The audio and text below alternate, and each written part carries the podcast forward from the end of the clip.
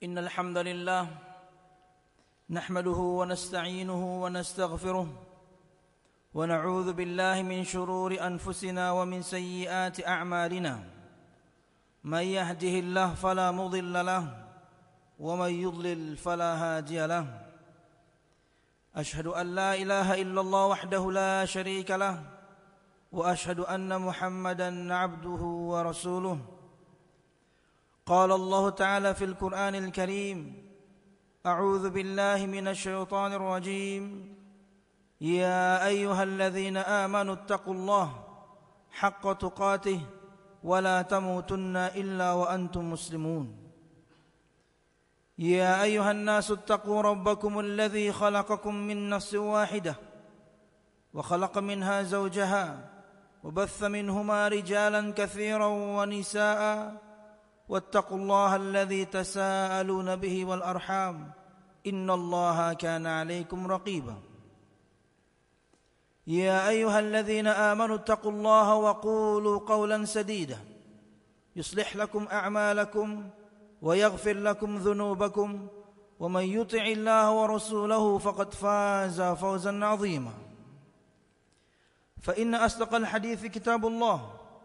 وخير الهدي هدي محمد صلى الله عليه وسلم وشر الأمور محدثاتها فإن كل محدثة بدعة وكل بدعة ضلالة وكل ضلالة في النار أما بعد Hadirin jamaah Jumat rahimakumullah Alhamdulillah segala puji dan syukur marilah kita haturkan kepada Allah Subhanahu wa taala yang hingga pada kesempatan siang hari ini kita masih diberikan kenikmatan yang begitu banyak hingga kita bisa hadir bersama di masjid ini di majlis yang insyaallah dirahmati Allah Subhanahu wa taala ini. Amin. Ya rabbal alamin. Kemudian salawat serta salam semoga selalu tercurahkan kepada junjungan besar Nabi kita Muhammad sallallahu alaihi wasallam juga beserta para sahabatnya, keluarganya dan segenap kaum muslimin yang selalu istiqamah berpegang teguh dengan Islam hingga hari kiamat kelak. Hadirin jamaah Jumat rahimakumullah. Pada kesempatan siang hari ini insyaallah kita ingin menyebutkan satu ayat Allah Subhanahu wa taala khususnya dalam surah Al-Hujurat ayat 10 berkaitan dengan al-ukhuwah al-islamiyah. Allah Subhanahu wa taala berfirman, "Innamal mu'minuna ikhwatun fa aslihu baina akhwaykum wattaqullaha la'allakum turhamun." Sesungguhnya orang-orang yang beriman itu bersaudara karena itu, damaikanlah antara kedua saudaramu yang sedang berselisih dan bertakwalah kepada Allah Subhanahu wa taala agar kamu mendapatkan rahmat dari Allah Subhanahu wa taala. Jamaah jemaah rahimakumullah, Syekh Abdul Rahman bin Nasir As-Sa'di menyebutkan dalam tafsirnya, "Innamal mu'minuna ikhwatun fid din." Sesungguhnya orang-orang mukmin adalah bersaudara dalam agama mereka dan bentuk persaudaraan yang ada pada mereka. Allah Subhanahu wa taala menyebutkan di sini salah satu kasus apabila ada di antara saudara kita, dua saudara kita kaum muslimin berseteru, maka kita harus menjadi penegak hukum. Kita menegakkan islah, kita memperbaiki kesalahan di antara mereka berdua, bukan memperkeruh masalah. Terkadang memang seseorang memiliki ego yang luar biasa. Tahu dia bahwasanya dia yang memiliki kesalahan. Tapi karena mungkin dia adalah orang yang lebih tua, dia merasa orang yang lebih faham agama, ego dia muncul. Malu dia untuk meminta maaf kepada saudaranya padahal dia yang punya salah. Maka jamaah, seorang muslim ketika melihat kasus seperti ini, berdiri tegaklah untuk menegakkan hukum di antara kedua mereka. Apa itu? Al-islah. Perbaiki kesalahan mereka berdua. Karena yang rugi nanti mereka berdua. Bahkan bisa jadi amal mereka berdua tidak diangkat kepada Allah Subhanahu wa taala karena masih berseteru. Bahkan naudzubillah nanti di hari kiamat kalau kita berbicara jangka panjangnya. Di hari kiamat kelak semua orang akan egois. Dia akan memikirkan kebaikan diri dia masing-masing.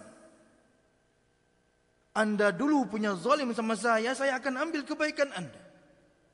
Habis kebaikan Anda tidak mampu Anda membayar kezaliman Anda dulu di dunia, nih keburukan saya silakan anda ambil. Semua orang akan egois. Kita tidak ingin seperti ini. Maka kata Allah Subhanahu wa taala, "Fa aslihu baina akhawaykum wattaqullah." Maka islahlah. Damaikanlah di antara mereka berdua dan bertakwalah kepada Allah Subhanahu wa taala agar kalian diberikan rahmat. Jamaah Jumat rahimakumullah. Bahkan persaudaraan dalam Islam ini adalah persaudaraan yang menentukan kesempurnaan iman seseorang. Kepedulian kita kepada kaum muslimin bahkan menjadi tolak ukur kesempurnaan iman seseorang. Kata Nabi Muhammad SAW dalam hadis yang dikeluarkan oleh Imam Muslim, "La yu'minu ahadukum hatta yuhibba li akhihi ma yuhibbu li nafsihi." Tidak sempurna iman salah seorang di antara kalian sampai dia mencintai untuk saudaranya sesuatu yang dia cintai untuk dirinya sendiri. Anda sudah hijrah. Anda sudah istiqamah. Anda mudah taat kepada Allah. Anda mudah sekali meninggalkan kemaksiatan kepada Allah. Hal-hal ini tentu sangat kita cintai. Kita diberikan petunjuk, kita diberikan hidayah, kita diberikan taufik hingga kita kemudian mampu hijrah menjadi insan yang lebih baik lagi. Taat kepada Allah, jauh dari maksiat Allah. Baik kepada teman, bakti pada orang tua, jujur kepada istri, bertanggung jawab kepada menjadi insan yang lebih baik. Anda cinta itu, kita cinta ini. Maka tidak sempurna keimanan seseorang sampai kecintaan dia. Akan segala sesuatu ini juga didapatkan oleh temannya. Jangan kemudian merasa nyaman sendiri dengan hijrahnya. Jangan kemudian merasa nyaman sendiri dengan keistiqomahannya. Teman-teman yang lain selamatkan. Ingatkan mereka akan kesalahan mereka. Rangkul mereka kemudian kembali kepada Islam, kembali kepada ketaatan kepada Allah Subhanahu wa taala. Walaupun tugas kita cuma menyampaikan, ingat tugas kita cuma menyampaikan sampai mereka faham. Dalam surah Ali Imran Allah Subhanahu wa taala berfirman ayat 21, "Wa in tawallaw fa innama 'alaikal balagh." Dan jika mereka berpaling dari Muhammad dan jika mereka berpaling daripada Muhammad, ingatlah tugasmu hanya menyampaikan.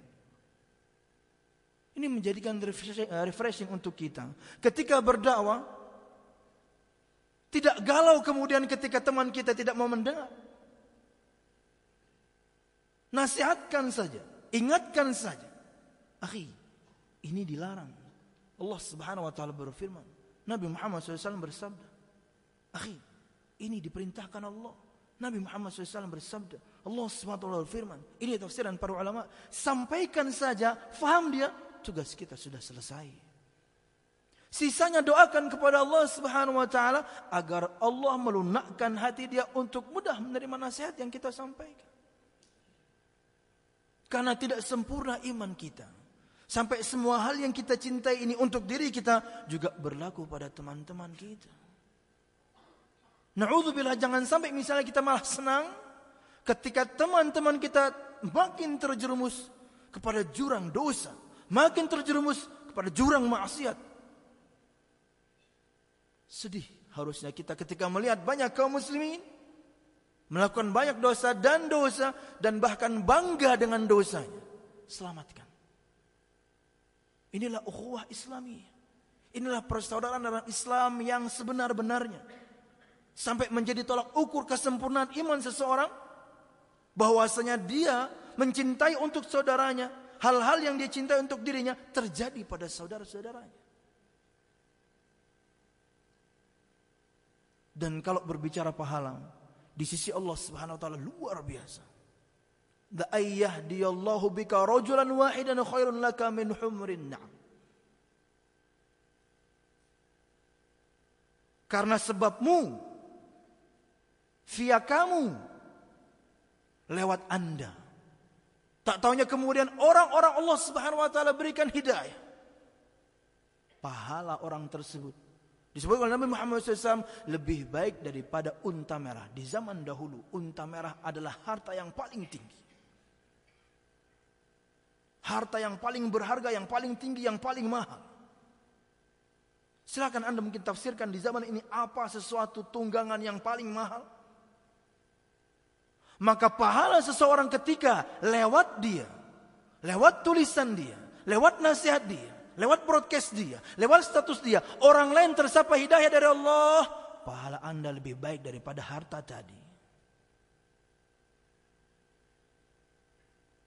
Jamaah sekalian rahimakumullah, ukhuwah Islamiyah juga ukhuwah yang kemudian menjaga atau menunaikan atau mewujudkan hak antara sesama muslim. Kata Nabi Muhammad SAW, hakul muslimi ala muslimi sittun. Idza laqiyahu fasallim alaih. Wa idza da'aka fa'ajibhu. Wa idza stansahaka fansahhu. Wa idza atisa fahamidallaha fashammithu.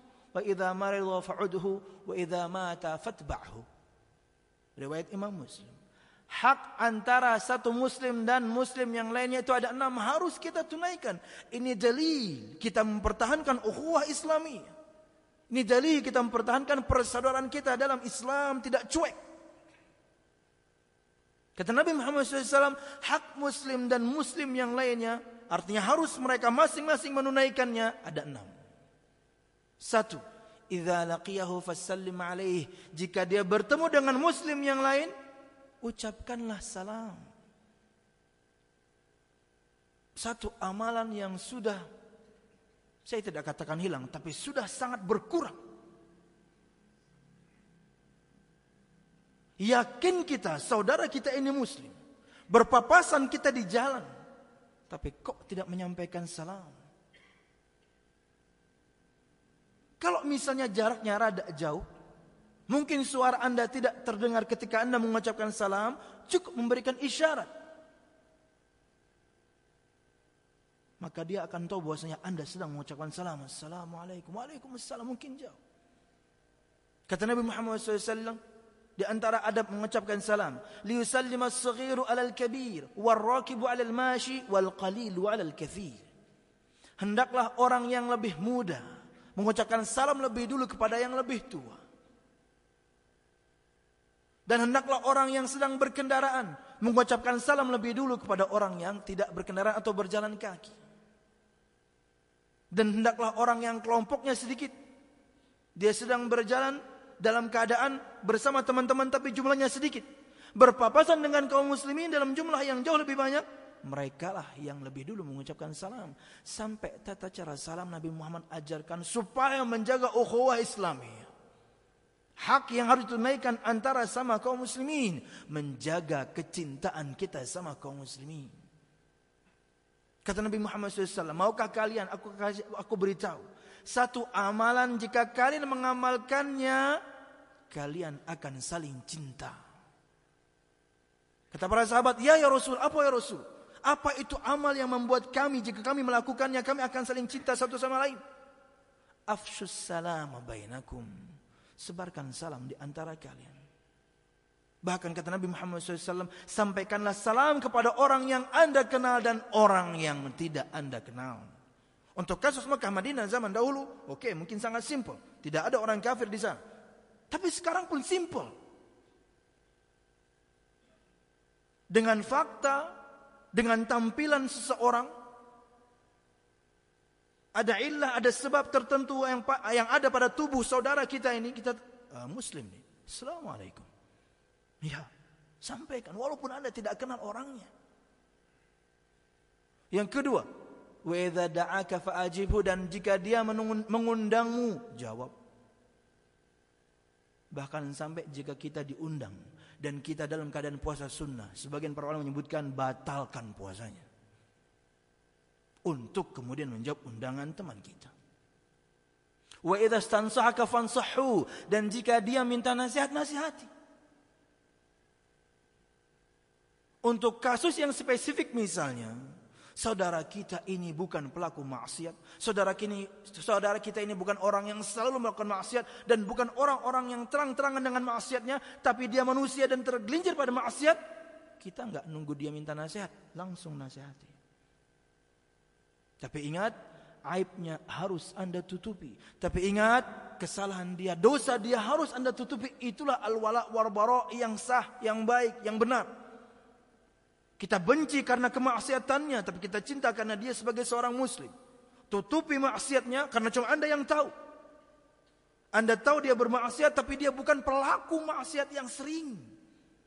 Dia tergelincir dalam satu dua hal. Maka tidak menunggu dia minta nasihat, nasihati. Jamaah sekalian rahimakumullah.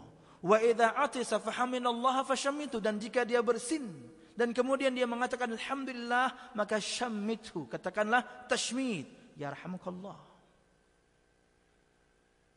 wa idza marida fa'udhu wa idza mata fadba'hu. Dan jika dia sakit maka kunjungi ziarahi datangi. Dan jika dia meninggal antarkan bahkan sampai ke kuburan. Bukan cuma memandikan menyolatkan antar sampai kuburan.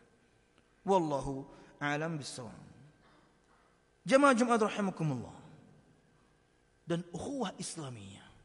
Ketika seorang mempertahankan persaudaraan antara sama muslim, dia bantu saudaranya ketika saudaranya sedang kesulitan. Dia keluarkan saudaranya ketika mendapatkan kesulitan. Dia permudah urusan saudaranya ketika mendapatkan kesulitan. Dia tutupi aib saudaranya ketika dia berdosa. Tapi dia bukan pelaku maksiat yang sering. Allah subhanahu wa ta'ala akan bantu anda, tolong anda selalu ketika anda atau kita mendapatkan masalah di kemudian hari. Nabi Muhammad SAW bersabda dalam hadis yang dikeluarkan oleh Muslim, "Man naffasa an mu'minin kurbatan, naffasallahu anhu kurbatan min kurabi yaumil qiyamah." Wa man yassara ala mu'sirin yassara Allahu alaihi fid dunya wal akhirah. Wa man satara musliman satarahu Allahu fid dunya wal akhirah. Wallahu fi 'auni al-'abdi ma kana al-'abdu fi 'auni akhihi barang siapa yang mengeluarkan dari seorang muslim dari masalahnya di dunia ini Allah akan keluarkan dia dari banyak masalah yang akan dia hadapi dari masalah-masalah di hari kiamat. Allah kalau sudah memberikan balasan itu jauh lebih besar dibandingkan yang kita lakukan. Kita mengeluarkan saudara kita dari masalahnya di dunia ini, Allah keluarkan kita dari masalah kita di akhirat. Apalagi di dunia. Subhanallah. Itulah Allah Subhanahu wa taala. Jika ada satu nama Allah yang menunjukkan bahwasanya Allah Subhanahu wa taala di atas keadilan, Allah memilikinya. Karena seharusnya jika kita menolong saudara kita muslim di dunia, Allah tolong kita di dunia. Enggak. Dunia akhirat Allah keluarkan kita dari masalah. Dan barang siapa yang mempermudah urusan seorang muslim, Allah akan permudah urusan dia di dunia dan di akhirat. Dan barang siapa yang menutupi aib seorang muslim, dosa, maksiat, tapi dia tahu saudaranya ini bukan pelaku yang selalu bermaksiat kepada Allah bahkan sampai mem memperlihatkan maksiatnya. Dia tahu saudaranya ini orang yang taat. Dia tahu saudaranya orang yang yakni beragama yang baik, tapi karena semua kita manusia, bahkan ini mungkin terjadi pada kita pun, di eh, diri kita pun, maka dia tahu bahwasanya saudaranya ini sedang khilaf hingga melakukan sebuah kemaksiatan dan bersalah, maka dia tutupi aibnya, tapi saudaranya tetap dia nasihati, bukan didiamkan. Kita benci karena kemaksiatannya, tapi kita cinta karena dia seorang muslim dan jamaah. Kata Nabi Muhammad SAW, wallahu fi aunil abdi ma kana al abdu fi auni akhih dan Allah selalu menolong hambanya jika hambanya menolong saudaranya. Satu kali kita menolong saudara kita entah mengeluarkan dia dari masalah memudahkan urusan dia atau menutupi aibnya setiap saat Allah akan menolong kita ketika kita nanti punya masalah. Manfaat tersebut akan kembali kepada diri kita sendiri. Dan ini faedah keutamaan menjaga ukhuwah Islamiyah أقول قولي هذا وأستغفر الله لي ولكم ولسائر المؤمنين فاستغفروه إنه هو الغفور الرحيم.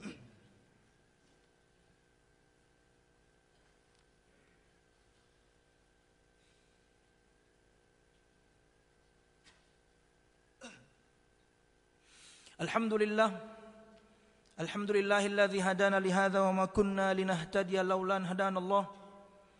والصلاة والسلام على أشرف الأنبياء والمرسلين محمد ابن عبد الله صلى الله عليه وسلم وعلى آله وأصحابه أجمعين. الذي حارب الباطل وأيد الحق وطمس الرذائل وأحيا الفضائل وتمم مكارم الأخلاق وهدى الناس إلى الصراط المستقيم صراط الذين أنعم الله عليهم من النبيين والصديقين والشهداء والصالحين وحسن أولئك رفيقا. Hadirin jamaah Jumat rahimakumullah. Kecintaan kita tadi kepada saudara kita muslim. Kita cinta karena dia muslim. Kita benci karena kemaksiatan yang dia lakukan. Kecintaan seperti ini akan mendatangkan pahala yang luar biasa di sisi Allah Subhanahu wa taala. Cinta dalam ketaatan betul-betul cinta sejenis laki-laki dengan laki-laki perempuan dengan perempuan tapi dalam ketaatan kepada Allah. Bahkan dua muslim yang seperti ini. Laki-laki atau perempuan. Ketika dia mencintai saudaranya karena ketaatan kepada Allah. Di hari kiamat kelak ketika semua orang dikumpulkan di padang mahsyar. Ketika matahari Allah dekatkan sejarak satu jengkal. Ketika semua orang berkeringat ada yang keringatnya sampai mata kakinya, ada yang keringatnya sampai uh, lututnya, ada yang keringatnya sampai pinggulnya, ada yang keringatnya sampai pundaknya. Ada yang tenggelam dengan keringatnya sendiri karena amal buruknya. Di hari itu ada orang-orang yang Allah Subhanahu wa taala lindungi di bawah naungannya, kasarnya tidak berkeringat.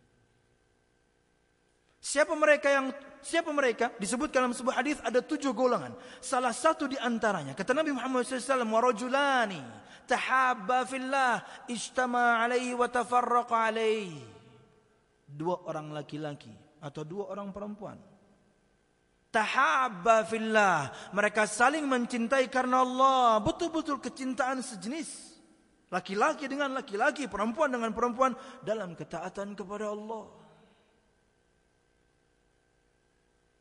Temannya kemudian yakni terjerumus kepada ya jurang dosa, dia selamatkan. Temannya kemudian ada rasa futur, ada kemalasan ketika setelah hijrah, dia kemudian semangati. Temannya minta nasihat, dia nasihati. Temannya bersalah dan dia kemudian punya power untuk menasihati, langsung dia nasihati. Temannya lagi ada masalah, dia bantu untuk keluar dari masalah. Temannya lagi punya aib, dia tutupi karena dia juga punya aib. Semua hak antara sama muslim dia tunaikan betul-betul kecintaan kepada Allah. Berkumpul karena Allah, berpisah karena Allah, cinta sesama kaum muslimin karena ketaatan kepada Allah. Dia yang ingatkan saya akan kesalahan. Dia yang selamatkan saya dari durang dosa. Dia yang selalu semangati saya ketika saya malas. Dia yang dia yang dia yang selalu menolong. Maka dia saling cinta satu sama lain karena Allah. Jamaah sekalian rahimakumullah. Kata Nabi Muhammad SAW, Sab'atun yudhilluhumullahu fi dhillihi yawma la dhilla illa dhilluh. Ada tujuh golongan yang Allah akan berikan naungan di hari di mana tidak ada naungan kecuali naungan dari Allah. Dan ini salah satunya. Seorang muslim dan muslimah. Dua orang muslim dan muslimah. Yang saling mencinta karena ketaatan kepada Allah subhanahu wa ta'ala. Dan sebagai penutup. Ketika kita punya masalah Ketika kita bahkan punya satu kezaliman kepada saudara kita. Entah kita pernah kemudian merenggut kehormatannya. Kita permalukan dia di depan umum misal. Pernah menggibahnya. Pernah mencaci makinya. Pernah memukulnya. Pernah mengambil hartanya. Na'udzubillah pernah meneteskan darahnya. Maka jamaah sebelum kematian tiba, sebelum hari kiamat tiba, minta halal sejak hari ini. Jangan menjadi orang yang merugi nanti di hari kiamat membawa banyak pahala. Tak tanya kezaliman-kezaliman kita dulu kepada saudara-saudara kita menguras itu semuanya. Menghabiskan semua kebaikan yang kita miliki. Karena semua kebaikan kita akan Allah transfer kepada orang-orang yang kita zalimi. Habis kebaikan kita, keburukan orang-orang tersebut akan dikembalikan ke kita. Na'udzubillah. Nabi Muhammad SAW bersabda. Man kanat lahu madlamatun li akhihi min irdihi aw syai'in falyatahallalhu minhu al-yawm qabla an yakuna dinarun wala dirhamun.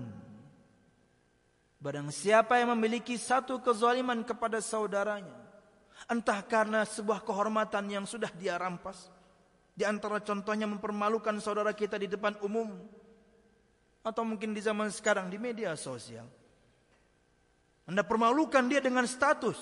Anda permalukan dia dengan komen Anda. Di hadapan semua atau di hadapan semua follower dia, teman-teman dia. Maka segeralah minta maaf hari ini. Sebelum nanti datang hari di mana tidak ada lagi manfaat dina dan dirham, enggak ada. Betul-betul yang ada adalah transferan amal. Maka minta maaflah selesaikanlah dan ini di antara bentuk taubat kita kepada Allah Subhanahu wa taala yaitu ketika kita punya salah kepada anak Adam kepada sama kaum muslimin harus diselesaikan dengan orang tersebut minta maaf bukan bukan dengan broadcast. Minta maaf bukan dengan kemudian pasang status untuk 5000 orang broadcast untuk 2000 orang. Anda punya salah kepada seorang japri. Anda punya salah kepada seorang datangi. Minta maaf minta halal. Karena ketika orang itu meninggal, kiamat sudah bermula. Man mata qamat lahu kiamat. Barang siapa yang meninggal, kiamat dia sudah bermula sejak itu nggak bisa beramal lagi. Apalagi naudzubillah tidak sempat kemudian minta ampun. Dan sangat buruk kalau misalnya kesalahan ini, kezoliman ini kita lakukan kepada kedua orang tua. Naudzubillah min dzalik. Itu yang bisa ulun sampaikan. Mudah bermanfaat salah dan khilaf ulun mohon maaf. Inilah ukhuwah Islamiyah. Inilah persaudaraan antara sama muslim yang akan mendatangkan pertolongan dari Allah yang menjadi patokan bahwasanya iman seorang itu sempurna ketika kita mencintai untuk saudara kita sesuatu yang kita cintai untuk diri kita sendiri dan ingat mendatangkan naungan Allah Subhanahu wa taala ketika sesama kita betul-betul saling mencintai karena Allah Subhanahu wa taala. Dan ingat, penutup yang sampaikan tadi, Ketika punya salah selesaikan sekarang sebelum kita meninggal. Wallahu a'lam bissawab. اللهم اقسم لنا من خشيتك ما تحول به بيننا وبين معصيتك ومن طاعتك ما تبلغنا به جنتك ومن اليقين ما تهون به علينا مصائب الدنيا. ومتعنا الله بأسماعنا وأبصارنا وقواتنا أبدا ما أحييتنا. واجعله الوارث منا واجعل ثأرنا على من ظلمنا يا أرحم الراحمين. ربنا هب لنا من أزواجنا وذرياتنا قرة أعين واجعلنا للمتقين إماما. ربنا لا تزغ قلوبنا بعد إذ هديتنا وهب لنا من لدنك رحمة إنك أنت الوهاب. اللهم إنا نسألك حسن الخاتمة ونعوذ بك من سوء الخاتمة يا أرحم الراحمين. اللهم إنا نسألك الجنة وما قرب إليها من قول العمل ونعوذ بك من النار وما قرب إليها من قول العمل. ربنا آتنا في الدنيا حسنة وفي الآخرة حسنة وقنا عذاب النار. سبحان ربك رب العزة عما يصفون وسلام على المرسلين والحمد لله رب العالمين. وكم السلام